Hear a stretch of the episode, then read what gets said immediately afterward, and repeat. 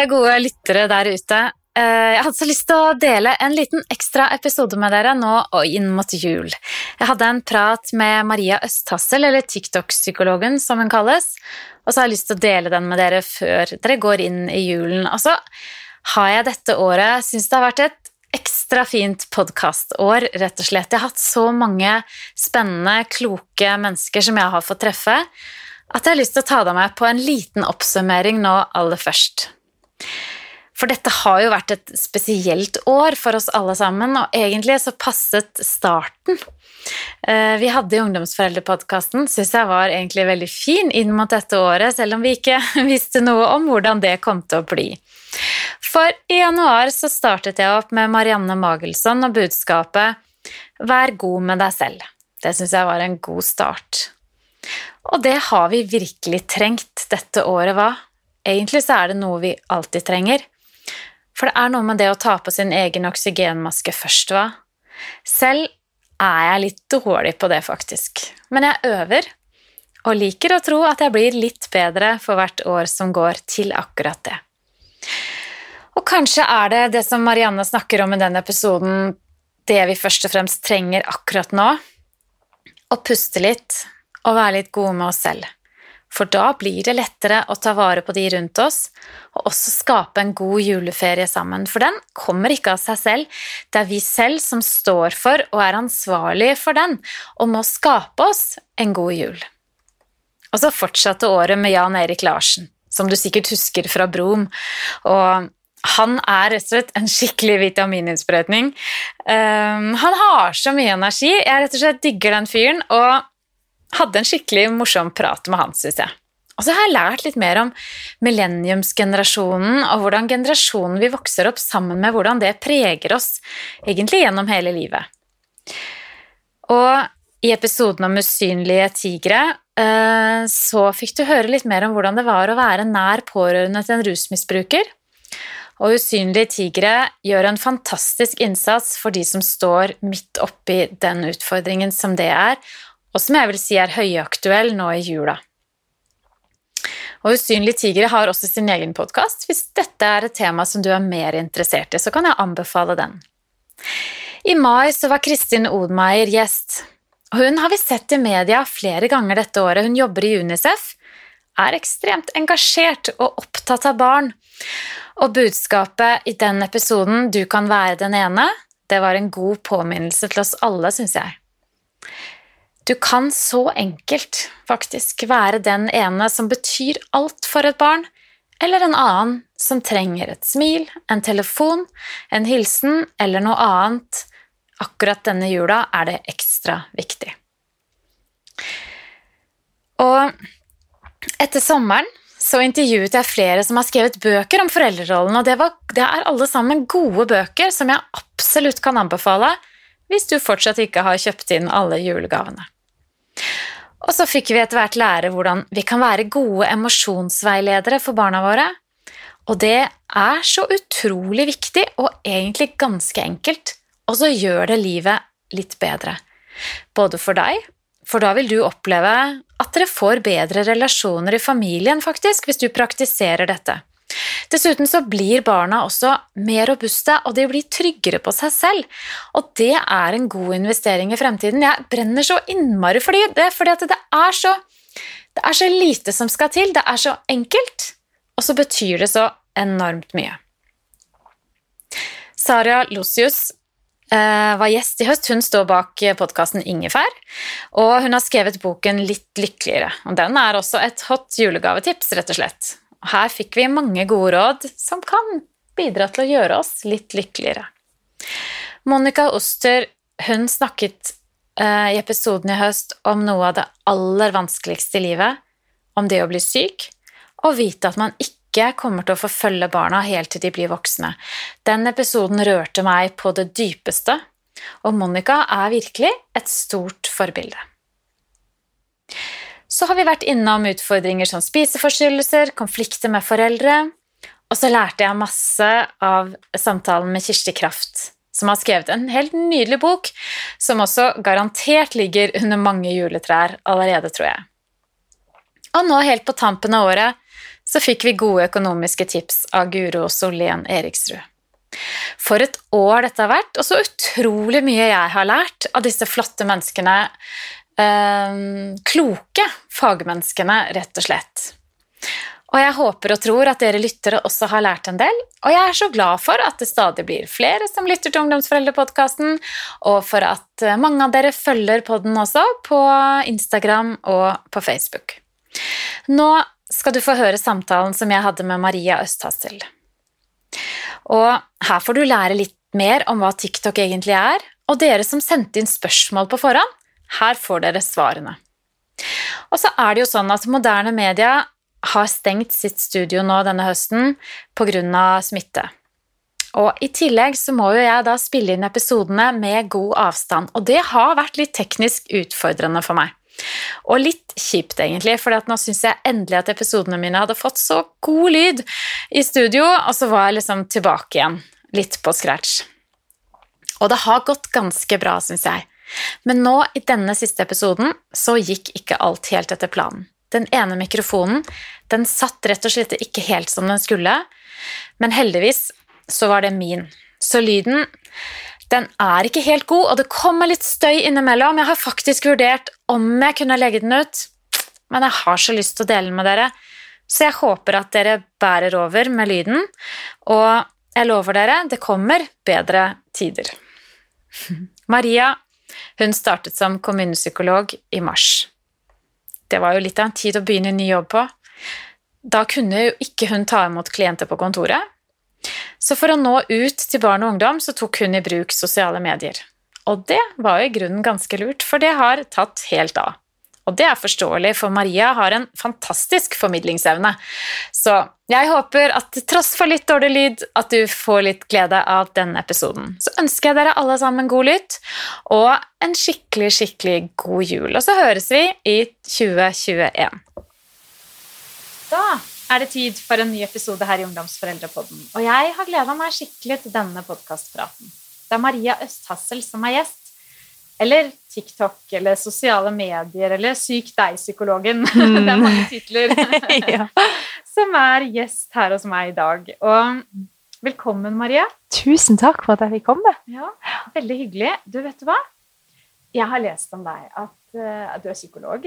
Mm. Ja, og at da Norge stengte ned i mars, så hadde du akkurat begynt som kommunepsykolog i Farsund. Ja. Men da var det jo alle blitt bedt om å holde seg inne, da. Eh, så det var vel ikke så mange som kom på kontoret ditt.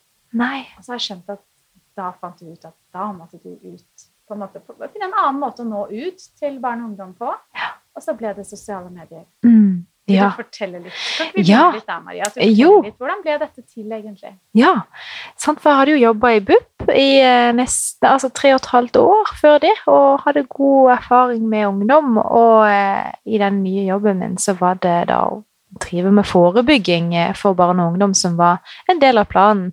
Eh, og det å være litt sånn oppsøkende til skolene og være tilgjengelig på helsestasjonen, som jeg hadde kontor der.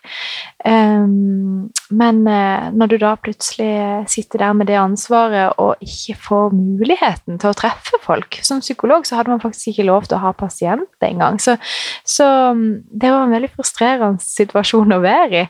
Man får liksom ikke, får ikke vise at du er der engang som nyansatt eh, kommunepsykolog. Så da, eh, da måtte vi tenke på nye måter å nå ut på. Og er det én plass de er, så er det jo på sosiale medier. Så da endte jeg opp med å lage en Instagram-konto, først og fremst.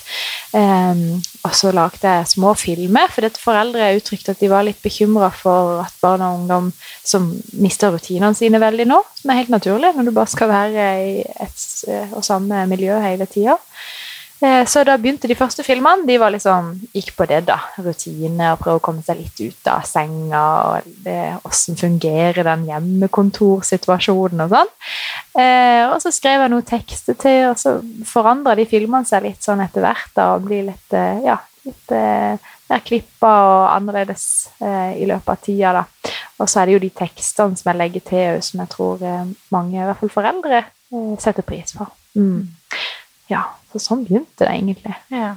Og så når du ut til veldig, veldig mange, vet jeg. Ja. Så dette har egentlig tatt litt av. Mm. Um, ja, du er jo kreativ, da. Jeg har vært litt inne og sett på Instagram-profilen din. Og Ja, du har det. jeg, jeg skjønner jo at du når ut. Um, mm, og det må man vel være òg for å nå ut til barn og ungdom i dag? Du, jeg er jo heldig som har eh, litt sånn ekstra interesse med meg i verktøyskuffa, med at jeg liker veldig godt å drive med skuespill og teater, og har gjort det mye på fritida.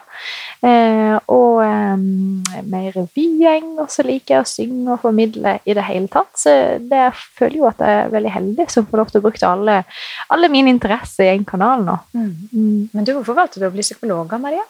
Ja, det kan du si. Det sto mellom det og skuespiller, faktisk. Ja, Det var det jeg hadde lyst til. Jeg holdt på å si, hva er likheten mellom det? Det er veldig mye likt, faktisk. Ja. Tro det eller ei, men faktisk er det jo dette her med at man skal sette seg inn i et annet menneske. da. Eh, skal man være skuespiller, så må man jo faktisk òg klare å ha en innlevelsesevne i eh, en karakter, f.eks.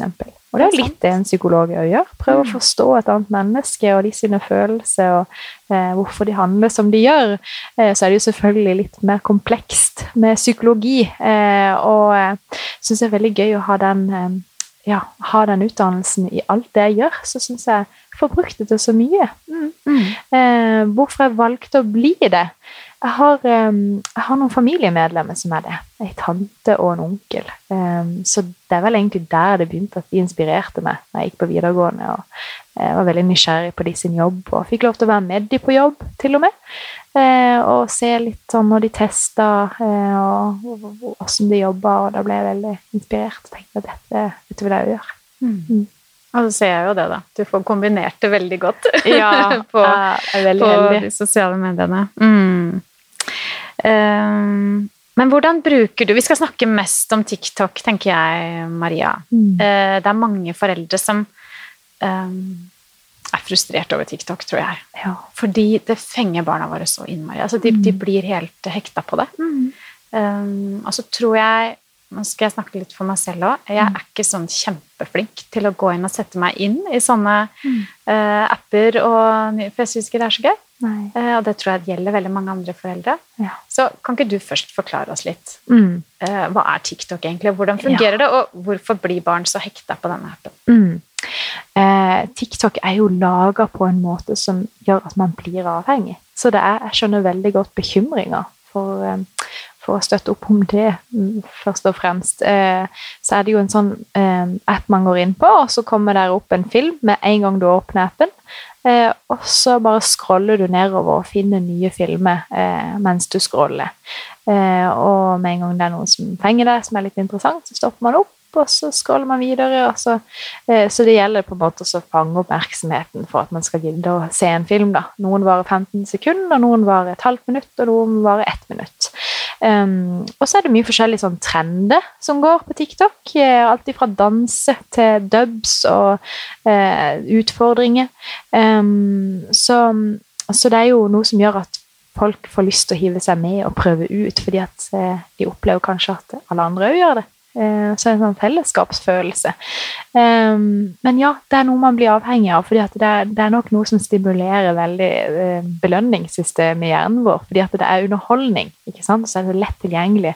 Om du scroller, så sitter du og venter på neste film som kan gi meg eh, en god følelse. da, Noe morsomt eller noe som er tilfredsstillende å se på, rett og slett. Um, Og så er det mye effekter der, er det ikke det? Som gjør at man Ja. liksom veldig lett kan lage ting som ser veldig kult ut. Ja, Mm. det er det. det. Ja. Så det er, det, er, det er nok veldig gøy for ungdom å kunne bruke sin kreativitet der og klippe og, og eh, lære seg Mange ungdom som har lært seg å danse i løpet av koronatida og satt seg veldig inn i de dansetrendene, f.eks.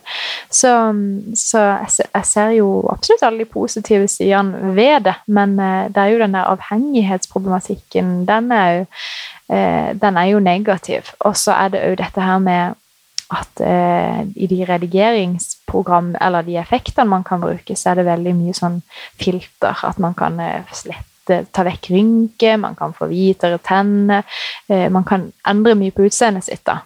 Um, og, og sånn som på alle andre sosiale medieplattformer, så er jo dette nok en arena hvor man da utleverer seg sjøl, og ikke bare i bildeformat, sånn som man gjerne gjør på Instagram, men eh, nå i en hel film hvor du ser tilsynelatende eh, eh, sånn som man kanskje opplever sjøl som feilfri, da, eh, uten de feilene og manglene som man vanligvis eh, kanskje mistrives med. Og hvis man da legger ut mye sånne filmer eh, som ikke ser helt ut som deg, og du får mye likes og følgere fordi at du ser sånn ut, så er jo det veldig uheldig for selvfølelsen.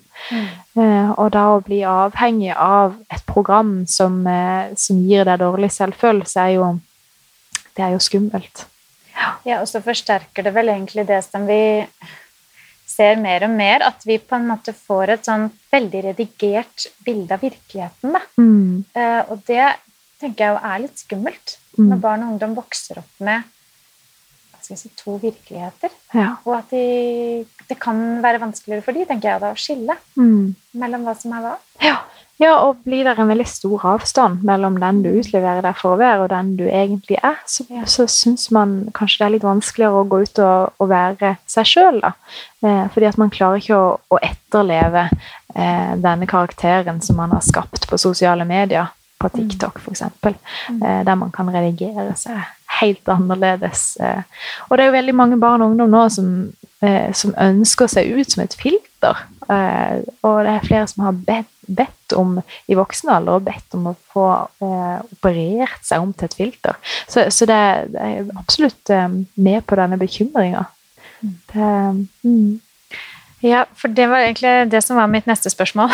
Ja. Hva tenker du om, om, barn og ungdom der ute? Hva, hva, det, hva, bør vi være oppmerksomme på? Hva ser du mm.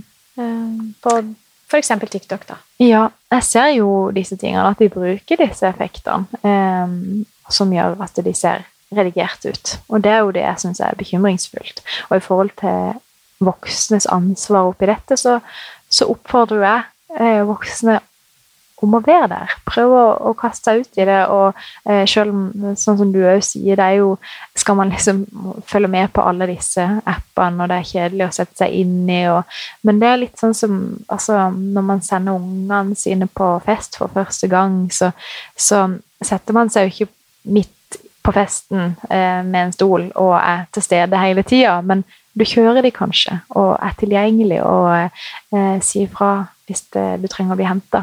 Eh, og litt sånn tenker jeg om sosiale medier at det er viktig at vi har en, en, form for tilstedeværelse, sånn at de vet at vi følger med. Vi er der, på en måte. Mm. Eh, at det kan være en slags buffer eh, for hva de da legger ut. For fristelsen er stor for å legge ut eh, og utlevere seg sjøl. Og særlig for ungdom, da, som i den fasen utvikler, utvikler seksualiteten sin. Så er det òg noe med at man ser jo at mange ungdom legger ut eh, kanskje litt seksualiserte filmer og bilder med mye kropp og utringning og sånn. Og det handler jo om at når man utvikler seksualiteten sin, så har man behov for å få en slags bekreftelse på det. At nå, nå er dette en del av meg, og ønsker gjerne kanskje identifisere seg litt med det å bli sett på som at jeg er ikke et barn lenger. Nå har jeg liksom eh, fått en annen kropp og har andre tanker og andre lyster. Eh, så, så, så, det er jo på en måte en naturlig del av det å bli ungdom. At man har, har litt behov, større behov for bekreftelse på den eh, arenaen av deg òg. og når du da får muligheten til å legge det ut på den måten, som er veldig nytt for vår art i det hele tatt, på en måte. sant? Ja, jo det. For vi eh, jeg tenker Vi ser i hvert fall min generasjon, da var det jo ikke internett. Nei, sant. Da foregikk liksom den, hva skal jeg si, den utprøvingen som ungdom gjør, den foregikk eh, i vennegjengen. Mm, det er der man fikk bekreftelse, ja. eller, mm. eller, Ja, ikke sant? Mm. Uh, er jeg ok? Sant? Mm. Det, det, var, det foregikk liksom mellom, ja. mellom inne på rommet. Uh, mellom venner. Mens nå der ute for hele verden, egentlig. Ja. De er ganske mm de er ganske mye mer, sår, de er mye mer sårbare, tenker jeg. Absolutt. Sant? For, sånn som du sier, før når man bare speiler seg i sine egne venner, så er det en mye mm. tryggere plass å speile seg. For de kjenner alle aspektene ved det. De kjenner ikke bare akkurat det der bildet man legger ut på sosiale medier. Um, og når man nå ser at på TikTok kan man få mangfoldige 100 000 følgere som ikke kjenner det, og hvis man da begynner å bli litt avhengig av bekreftelsen man får der for å være fornøyd med seg sjøl, så er det, um, det er skummelt. Og så bygger man vel fort da to identiteter, på en mm, måte. Ja. Og det også, hva gjør det med deg over tid? Det mm. å ha én identitet på skolen og én Mm. på sosiale medier? Mm. Jeg, jeg tror at det kan skape sosial angst, f.eks. At eh, fordi at det er så vanskelig å etterleve den personen du har utlevert deg for å være, eh, at det da blir ubehagelig å møte eh, et ekte publikum eh, som har visse forventninger til hvordan du beveger deg, til og med. Sånn som du beveger deg på TikTok. Og, eh, ja. Mm. Så, så jeg tror jeg frykter sosial angst. Det er kanskje en av de tingene som eh, dette kan medføre. Ja, er det noe du ser? For jeg tenker, Hva, hva møter du, Maria, der Mm. ute på de sosiale mediene? For jeg, jeg Mm. regner med at det er barn og ungdom som da tar kontakt med deg, gjør de det?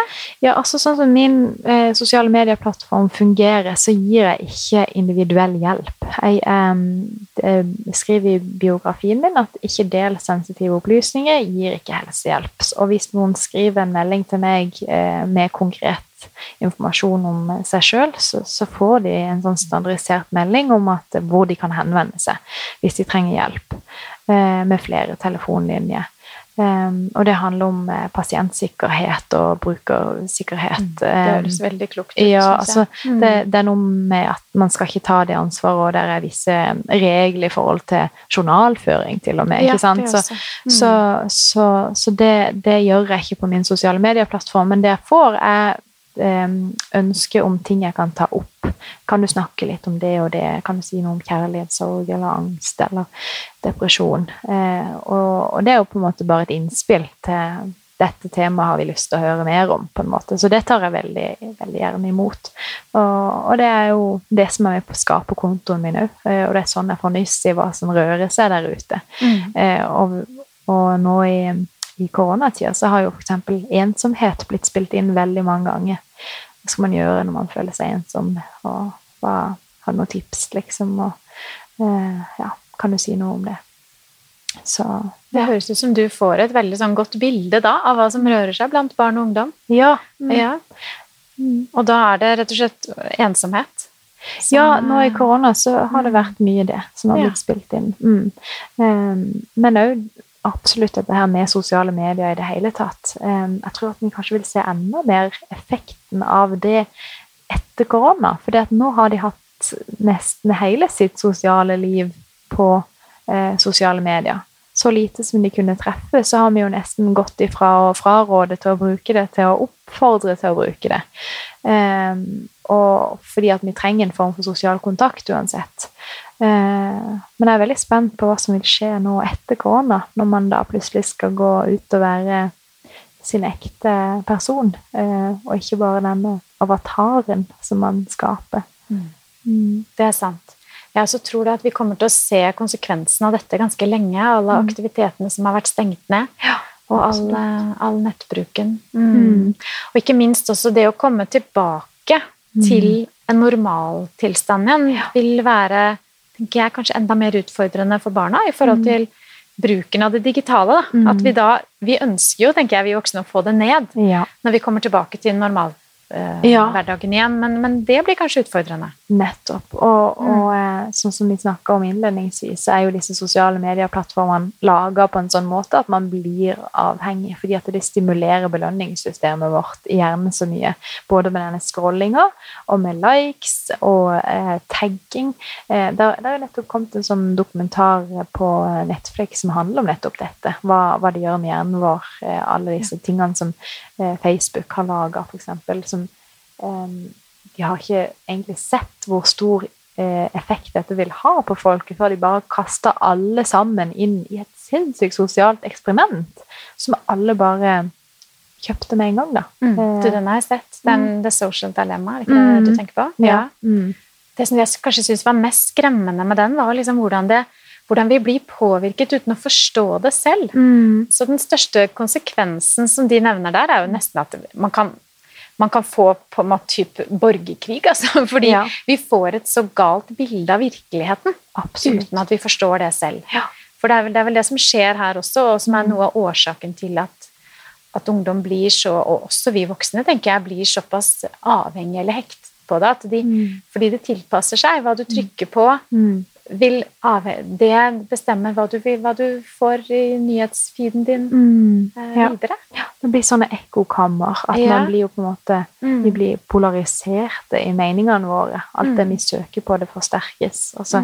Hvis jeg har eh, søkt på et sminkemerke, så plutselig kommer det opp masse sminkereklame. Så, um, så vi blir jo uh, veldig sånn spissa inn mot eh, enkelte eh, områder som vi interesserer oss for. Eh, og, og så tror vi kanskje at dette er det alle får opp, og sånn ser verden ut for alle. Og så gjør det jo ikke det. For det ser jo forskjellig ut Ja, på hver profil. Mm. Ehm, ja. Jeg tenker jo at Foreldre som hører på dette, har kanskje ikke blitt mindre bekymret nå. Nei, ja, av å nei. høre på dette. Nei, uff. Eh, vi skal ta opp um, uh, Før praten vår, faktisk i går, så la jeg ut Jeg har jo en Facebook- og en Instagram-konto for Ungdomsforeldrepodden. Mm. Og så la jeg ut uh, spørsmål der om Eller jeg la ut at hva, skal jeg, hva skal jeg snakke med deg om? Hva skal jeg spørre deg om? Og så skapte det litt engasjement. Det var noen som sendte meg melding. Eh, jeg lurer på om vi bare skal gyve løs på de, Maria. Ja, gøy. Og så kan, eh, håper jeg til slutt at du kanskje har lyst til å gi foreldre litt gode råd om Ja. hvordan vi kan gjøre dette. Mm. Eh, Men vi begynner med den første. Jeg tror jeg bare leser de opp sånn som de er. Hei du, og takk for fin pod. Ja, det er jo hyggelig. Det er en som er glad for at TikTok skal være tema, og jeg lurer på Har en datter på tolv år som er helt hekta på TikTok. Det er så vanskelig å få henne til å legge vekk mobilen. Da blir hun så sint, og så ender det i en stor krangel som regel. Hva er det med TikTok som gjør at barn blir så hekta? Jeg bør kanskje forby henne å være der og få slettet appen, men det føles vanskelig da venninnene hennes er der. Og det er det de snakker om hele tiden, så da blir hun jo utenfor. Håper på svar. Hilsen frustrert mamma. Mm. Ja, det skjønner jeg. Ja. Ja, og det, jeg skjønner bekymringa. Eh, man blir faktisk hekta, og eh, nå som de har så mye tid til overs, det er ikke så mye aktiviteter, så bruker de gjerne enda mer tid på det. Em, det som jeg sier til foreldre ofte, er at først og fremst eh, ha hatt blikket inne for TikTok sjøl, prøv å se hva det er for noe, sånn at det blir lettere å snakke om det. Du har liksom litt felles referansepunkt, og eh, til og med prøv å se det gøye i det, liksom. For, for det skaper en slags troverdighet da, når du skal snakke med din ungdom om TikTok. Eh, for du ser det gøye, du forstår hvorfor de syns det er gøy. Eh, men, eh, men ellers så er det noe med å på en måte ramme inne den tidsbruken, da. Eh, og gjøre ungdommene bevisst på hva, hva det frarøver de fra. Eh, fordi at jo mer For skjerm i seg sjøl er jo ikke nødvendigvis alltid Det er ikke så farlig å sitte på en skjerm. Er ikke så skadelig, selve skjermbruken, men det er jo gjerne det man blir frarøva fra. Eh, fra mulig, vi mister fysisk aktivitet, vi mister eh, ordentlig, ekte sosial kontakt. Vi mister og, der, altså, Søvnkvaliteten går ned. Så det er disse tingene her som jeg tenker at eh, man må passe på at blir ivaretatt. Eh, og så òg snakke med ungdommene. Hva gjør det med din selvfølelse? Hvordan føler du deg på en måte etter du har sittet på TikTok eh, og scrolla? Eh, kjenner du noe endring i forhold til ditt eget kroppsbilde? Eh, hvis du har sittet og følt eh, altså hvis for eksempel, Jeg kjenner jo på det sjøl òg. Hvis jeg på Instagram følger bare masse treningsfolk på Instagram med det som jeg opplever som eh, sunne, fine kropper, så, så blir jeg veldig selvbevisst etterpå. Altså. Bare, hm, kanskje jeg bør liksom endre litt på det og det, jeg må kanskje trene litt. Og, ja. um, og det skjer jo desto større grad hos ungdom, for selvfølelsen vår er på det laveste i ungdomstida. Eh, og de, de er jo som svamper for å se på ting som vi idealiserer. da. Eh, og på TikTok er det masse av det. Så det å prøve å begrense tidsbruken eh, Jeg skjønner at det er vanskelig å skulle ta den kampen, på en måte, men prat med ungdommen din om disse risikofaktorene. Hva, hva de gjør med det. Gjør de bevisste rundt det. med en forståelse av at du skjønner at det er gøy, altså. Det er mye gøy for dem. Er en grunn til at de sitter der. Ikke sant? Og jeg pleier å si til foreldre snakk om det eh, liksom, i fredstid. Mm. Ikke akkurat når du syns at hun har sittet for mange timer, Mm. men snakk om det liksom, i forkant av det. Eh, ta en prat og bli enig om. Hva er ok, hvor mange timer, og når passer Mm. det? Og lag nesten sånn dagsplan for det. Ja. Noen trenger det i helgene, rett og slett. Ja. Å ha en sånn å vite at fra ti til tolv, da får de lov til å være der, og så må Mm. de ut en tur. Ikke sant? At Mm. man, ja, litt lettere å håndheve de reglene hvis man har en plan på forhånd, da. Absolutt. For det, som hun sa, det blir liksom ofte krangel. Um, ja. Veldig, Mm. veldig sant. Og det er sånn, samme med de som bruker mye tid på spilling på skjerm òg, ikke sant. Og, Ja. og ha noen planer på det. Um, ikke bare komme og dra ut stikkontakter uh, når du mener at 'nå må du komme deg ut'. sant? Da, da viser man ikke så mye forståelse. Uh, fordi at når de sitter på TikTok og har det veldig gøy, så, så tar du ifra dem en god følelse. Mm. Men hvis de er klar over at uh, nå nærmer det seg pause, så, så vil det nok føles litt bedre. ja, det er viktig. Et spørsmål til? Ja. Hei du, jeg bare lurer. Eh, Vet flere land, bl.a. USA, har forbudt TikTok. Hvorfor har de gjort det? Og hvorfor blir det eventuelt ikke forbud her i Norge? Vet Ja. du noe om det, Marie? Du, jeg vet ikke helt begrunnelsen for eh, hvorfor eh, forbudet har kommet inn i det enkelte landet, men jeg regner jo med at det handler om disse tingene som jeg allerede har vært inne og prata om nå, alle de risikofaktorene.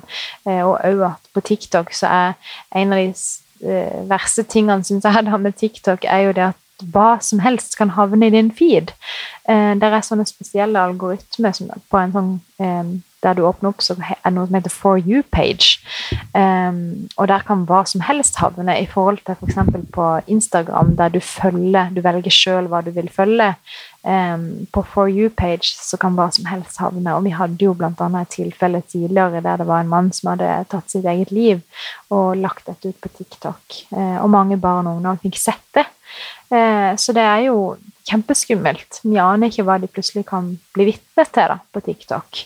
Um, så jeg er jo, selv om jeg, jeg lever godt av TikTok måte, og jeg har veldig mye glede av det, og, eh, så, så ser jeg litt på min rolle som en slags natteravn, på en måte, som prøver å være der som, eh, der som det er litt farlig å være. Eh, fordi at det bør være noen voksne der òg, og følge litt med og kunne si noe om det.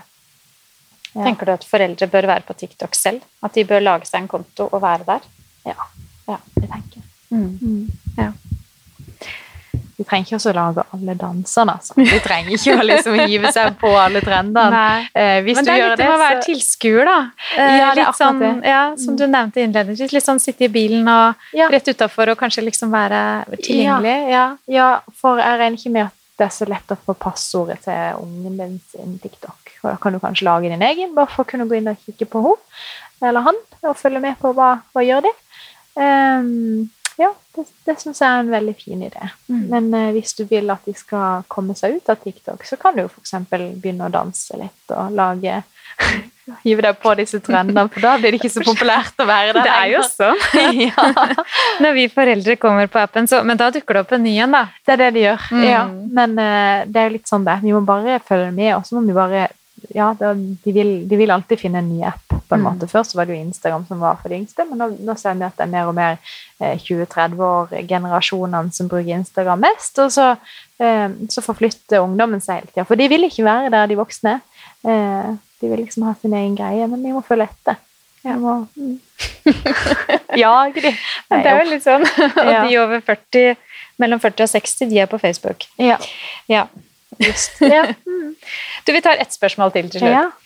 Eh, hei, og ja, takk for fin pod som jeg har lært mye av. Det har vært mye snakk om utfordringer på TikTok. Ungdom som finner på helt ville ting og utfordrer andre til å gjøre det samme. Det er noe av grunnen til at jeg har vært skeptisk til TikTok, for min sønn er en som liker å teste ut nye ting. Bør jeg være bekymret? Mm. ja. Disse utfordringene det er ikke noe som jeg har hørt så mye om. Nei. Kjenner du til det, Maria? Ja, det der er, der har vært mye forskjellig. Eh, noen, noen er veldig milde og snille og hyggelige og kan være gøy å være med på. Og så er det noen som er litt farlige, eller eh, som kan være uheldige. At det ligger ute av deg, da. Eh, så mm, igjen så er det på en måte Jeg vil- bare anbefale å lage en bruker og følge med på hva de gjør for noe. For jeg skjønner veldig godt bekymringa. Der er, der er noen skumle ting der. Eh, som vi voksne burde følge med på. Um, og så er det på en måte De lager jo disse tingene i ditt hjem, uh, stort sett. Sant? Um, så hvis du på en måte har et lite, et liten fot innenfor soverommet av og til, eller der de oppholder seg, uh, følger med på hva de driver med uh, Noen av disse utfordringene har handla om eh, f.eks. å drikke ren sprit og eh, litt sånn skumle ting. Og, så det å på en måte eh, passe på at det ikke skjer. Det skal man jo passe på uansett, liksom. Eh, ja. Men det, det, ja, det er jo litt skummelt, for disse, de, det kommer nye utfordringer hele tida på TikTok. Mm. Mm. Jeg syns liksom jeg hører det. Det er sånn gjengang. Altså, vi må være der, vi må følge med. Ja. Mm. Være til stede. Det er det som skjer ofte når barna blir større. at vi, liksom, De blir så selvstendige. Vi tenker mm. at de klarer seg, klarer seg selv mm. så mye mer enn de gjorde før. De mm. klarer å ta bussen, de lager seg mat selv, og vi tenker ah, ja. nå kan vi reise på hyttetur, eller vi kan slappe litt mer av. Men uh, ikke helt? Ikke helt, nei. nei. De er ikke voksne ennå før de er mm. voksne. ikke mm. sant? Og frem til da så trenger de absolutt at vi er der og er til stede. og eh, tre De trenger ikke at vi maser så veldig, men at vi er der og følger med og kjenner til dem.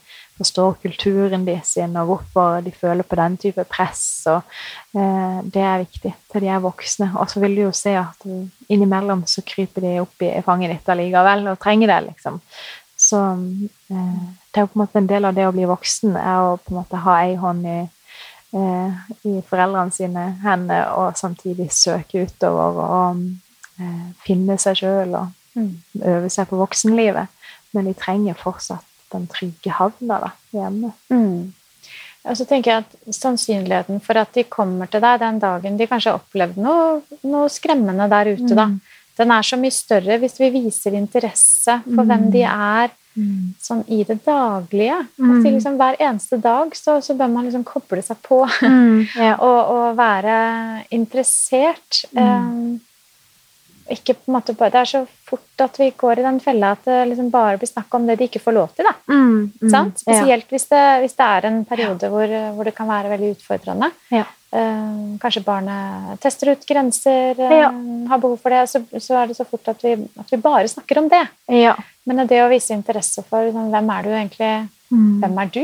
Spesielt i ungdomstiden. Ja. Uh, hva er du opptatt av? Og, ja. mm. og hvis du merker at ting er litt sånn I dag er de ikke i helt godt humør, mm. og så stenger de seg inne på rommet, så, så, er det mange foreldre som tenker at da skal man må bare få lov til å være i fred. da. Man bare, jeg skal ikke forstyrre, for de trenger trenger bare være for seg sjøl, for nå har de bura seg inne. Men eh, kanskje det er den dagen de trenger det litt ekstra. Så da ville jeg nok ha banka på og bare hørt eh, kan jeg, kan jeg gjøre noe for deg? En kopp kaffe, en kopp te eller et eller annet? Kan jeg bidra med noe? Så får du kanskje 'nei, kom deg ut' til svar. Ja. Og så kan du si at ok, 'ok, men eh, bare så du vet, så kommer jeg igjen om en halvtime til. Banke på. Bare for å høre at du har det greit.' Eh, så skal du gjøre det noen runder vis at du er der. Eh, du kommer til å få mange avvisninger. Det er en del av å være ungdomsforelder. Du kommer til å bli, få noen stygge tilbakemeldinger innimellom, men det er på en måte de, de identifiserer seg med deg, da. De identifiserer seg med sine foreldre. Eh, og så skal de prøve å finne seg sjøl og har dårlig selvtillit. Eh, og da går det utover foreldrene, som de identifiserer seg over, så, mm. med. Sant? Så eh, når du kritiserer deg sjøl, så kritiserer du òg foreldrene dine, på et vis. Ja. Hva mm. tenkte du på nå? Vil du utdype det litt? Ja, altså når man, eh, eh, når man identifiserer seg veldig sterkt med noen eh, og kjenner Altså mamma eller pappa eller begge de er en del av meg, der de er slekter på. Identifiserer meg med de. Eh, men jeg føler meg ikke god nok. Eh, jeg strekker ikke til, jeg er ikke fin, eller altså man har mange negative tanker om seg sjøl. Veldig mange har det i ungdomstida så kritiserer man òg de man identifiserer seg med. Sant? For vi er jo en, en, slags enhet, på et vis. Eh, så dere er heller ikke gode nok, da. Og den kritikken som man da vender mye innover mot seg sjøl, kan man heldigvis slippe ut på foreldre. Eh, og det tror jeg er litt sunt, altså. At de kan få slengt litt med leppa av og til til foreldrene sine. Ja, for det er jo egentlig en, bare en del av det å finne seg selv. Mm. For det er jo egentlig Jeg tenker jo at Eh, barn vokser jo opp når de er små og føler seg nesten som en del av, av mor eller far. på en måte. Ja. Og for å klare å liksom komme ut og bli et selvstendig menneske, så må mm. de på et eller annet vis ta et skritt ut og si 'jeg er ikke deg'. Mm, Kanskje spesielt sånn mor-datter-forhold, at, at døtre ja. har behov for å markere at eh, 'nei, mm, mm. jeg er ikke deg, jeg er mm. meg'. Uh, og det å på en måte omfavne det litt, da, og tenke på det som noe positivt, selv om det kanskje kan gjøre litt vondt der og da. Ja. Det har jeg litt tro på. Ja. Og det er en form for mm. separasjon på et vis, mm. som, som, man skal ha i løpet av ungdomstida. Man skal jo eh, bli selvstendig. Eh, og, og så går det litt utover relasjonen ofte. Til, Ja, og istedenfor da å gå i forsvar Mm. og, si, eh, liksom, Mm. og bli sint på det, så heller si 'oi, så, så spennende', liksom. Mm. Og være litt mer nysgjerrig på ja, hva tenker du da? Hvem er du Mm. da, liksom? Mm. Eh, Mm? Det er så utrolig fint for deres identitetsutvikling også. Mm, mm. Mm. Ja, nettopp. Hva kan, hva kan jeg Mm. lære av deg? Ja, det det tror jeg er veldig viktig at Mm. foreldre stiller litt sånne spørsmål. At, Ja. eh, Fortell mer om det. Ikke sant? Mm. Ikke fordi, Det kan godt hende vi, sant, vi vet det egentlig, Ja, ja. Men, men at vi Jeg vil høre hva du, ja, hvordan du snakker om dette. Mm. Min erfaring har i hvert fall vært at jeg har lært utrolig mye av barna mine da. Ja, ikke sant? Så fint. Ja. Mm. Ja, det er fint. Mm. Hvordan var din ungdomstid da, Maria?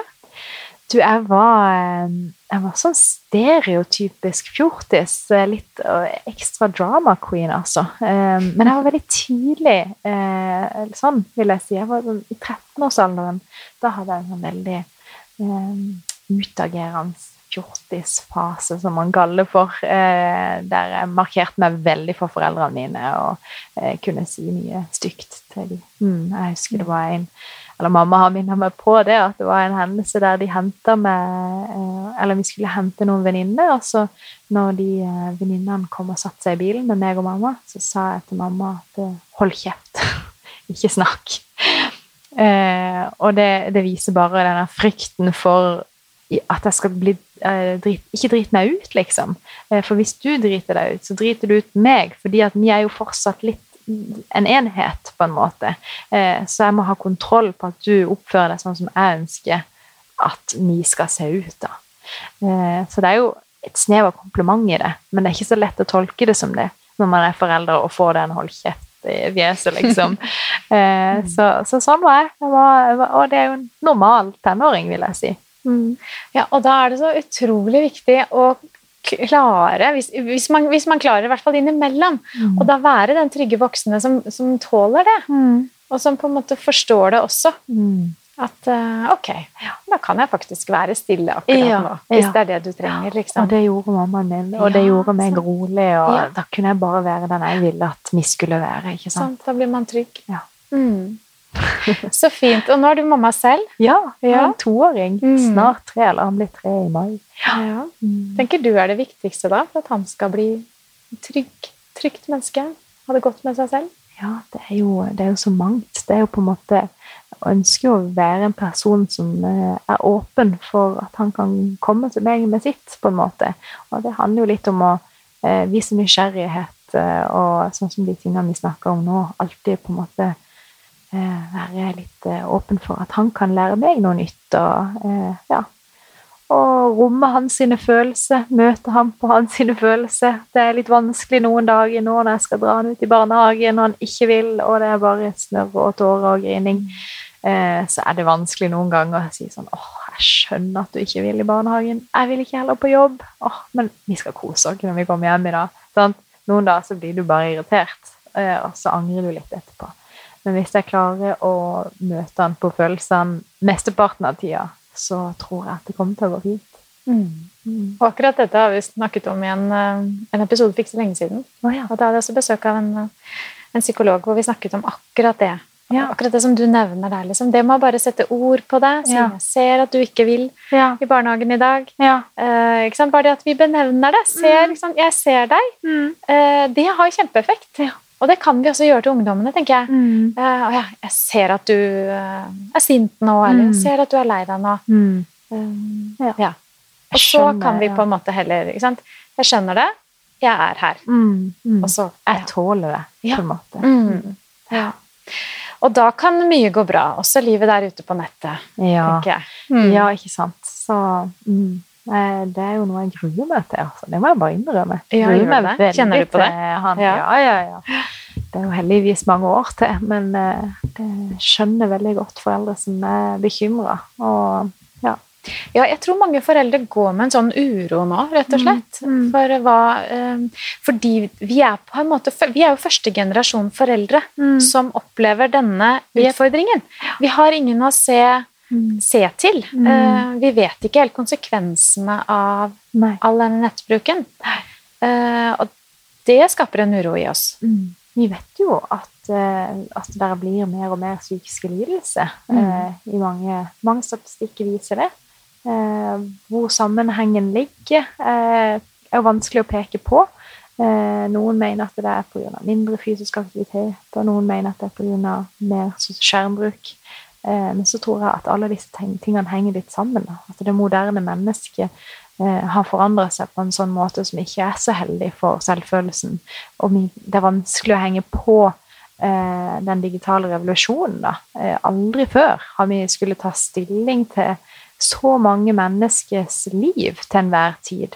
Hva alle jeg kjenner driver med, og hva de har spist til middag. Liksom. Um, og så kan det påvirke mine valg, hva jeg skal spise til middag. liksom. Istedenfor at sånne ting bare skal være valg man tar sjøl, basert på egne behov. Um, ja, aldri før har det vært sånn. Og hjernen vår har jo selvfølgelig ikke klart å tilpasse seg det. Vi har ganske lik hjerne som vi hadde for et par tusen år siden. Så ja. Ja, og så tror jeg vi foreldre også kjenner på hvordan det tar oss, Mm. og hvordan det krever bevissthet hos oss, det å legge den bort. Mm. eh, Fjerne all den For det er, på mange måter så opplever jeg det som støy da, Mm. i livet. Eh, At jeg er nødt til å skru den av, legge den helt bort, Mm. for å på en måte klare å tenke, egentlig. Og for Ja. å få den roen som Mm. jeg kan kjenne igjen, som husker et liv uten internett. Ja.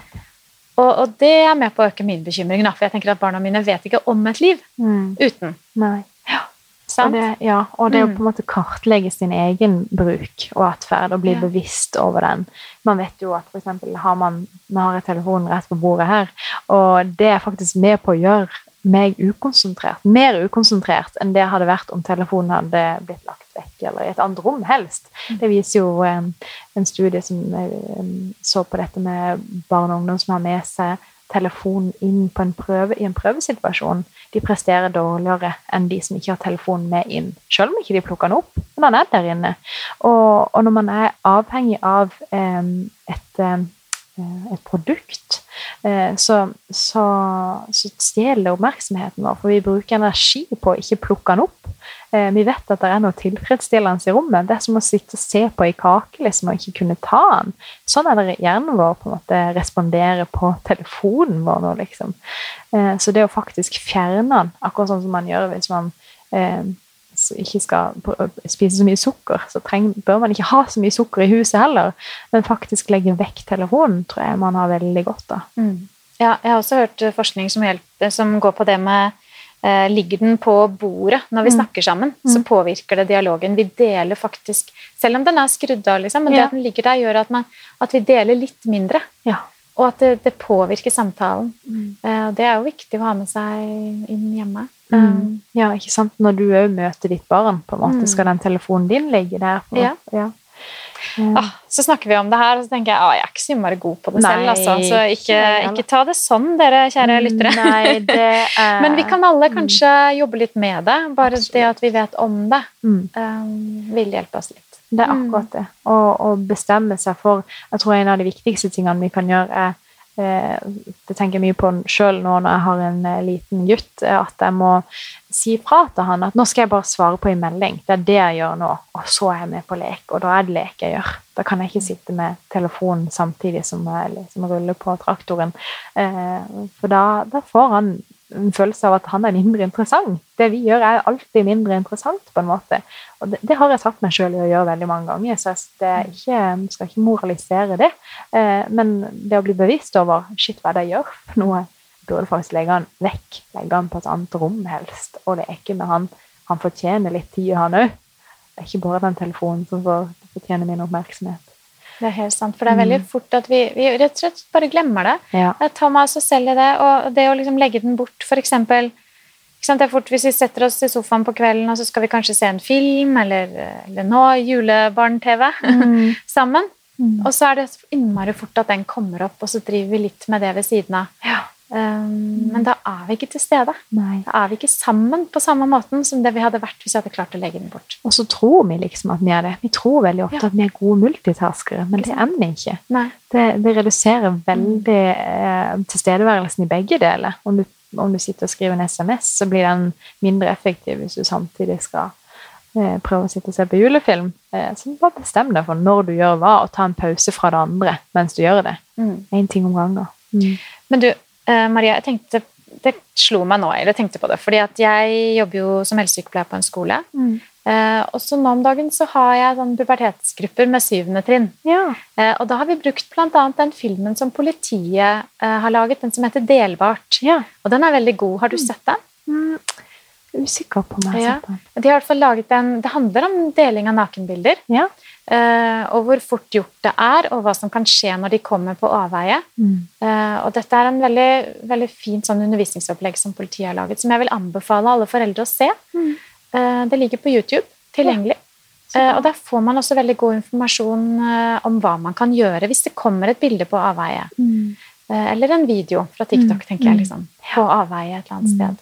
Men det som er så fint med den filmen, da, er at den viser um, den vis, den, Vi følger ei jente på en måte gjennom hennes opplevelser på nett. Mm. Eh, og så blir hun veldig fortvilet, for dette bildet har blitt delt. Mm. Og så viser hun det til mammaen sin, og så møter mammaen henne med en god klem. Ja. Og akkurat den slutten der syns jeg er så utrolig viktig. Ja. Fordi hvis barna våre Mm. eh, gjør noe dumt på nettet, Mm. hva er det de trenger da? Mm. Da tenker jeg, De trenger jo en klem. Ja. De trenger at vi trøster dem, rett og slett, og ikke formaner dem eller kjefter på dem i en sånn situasjon. Mm. Og det er så viktig. Er du, er du enig i det? Veldig, veldig Ja. enig. Ja, ikke Mm. påfør mer skam enn de allerede sitter med. da. Mm. De trenger noen på laget sitt. da. For da føles det som om at hele verden egentlig jobber imot det. Mm. Ja, fordi det er så skjørt, og det må vi foreldre huske på. Mm. At de er i den utprøvende tiden, Mm. og, så, og så må de gjøre det der ute. Mm. eh, Med alle de konsekvensene det har. Mm. Eh, Og da trenger de masse trøst og forståelse. Mm.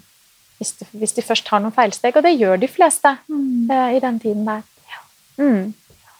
Ja, så det var en oppfordring litt sånn til slutt her, om å se den. Du Maria, hvor finner vi deg på sosiale medier? Du finner meg på TikTok, Instagram og Facebook som Sykt deg med PS, altså Sykt deg. Mm. Og så vet jeg også at du holder på å skrive en bok, Ja. og den må du si litt om her til slutt. Ja, det er jo en bok som um, i utgangspunktet er tenkt å være særlig til ungdom, men egentlig for, for alle. Fordi at uh, dette er jo det, det er snakk om psykisk helse. Uh, noen life hacks for hvordan man kan ivareta sin egen psykiske helse, og litt informasjon om hvordan psyken vår fungerer. Uh, så prøver jeg å legge meg på et språk som er lettfattelig for en, for en ungdom, og gjerne en 13-14-åring. Uh, men det betyr ikke at det ikke er relevant for en 40-åring. Mm. Mm. Når er planen at denne boken skal Jeg ut? håper den kommer ut til våren. Eh, Ja. ja. Det er mye Mm. på gang akkurat nå, så jeg prøver å bli ferdig med å skrive helst innen slutten av januar. Ja. Men ja, veldig gøy. Jeg koser meg med å skrive. Altså. Ja. Spennende. Da, det skal jeg følge med på. Kanskje vi må ta en ny prat når den har kommet ut. Det hadde vært Maria. hyggelig. Det håper jeg. Ja. Ja, og Ungdomsforeldrepodden den finner dere både på Facebook og Instagram. Følg og del, og send meg, fortsett å sende meg både mailer til ann-jeanette at samtaleverkstedet.no, eller send meg meldinger via Facebook og Instagram. Da tror jeg vi sier takk for eh, praten, Maria. I like måte, og tusen takk for invitasjonen. Jo, det var veldig hyggelig.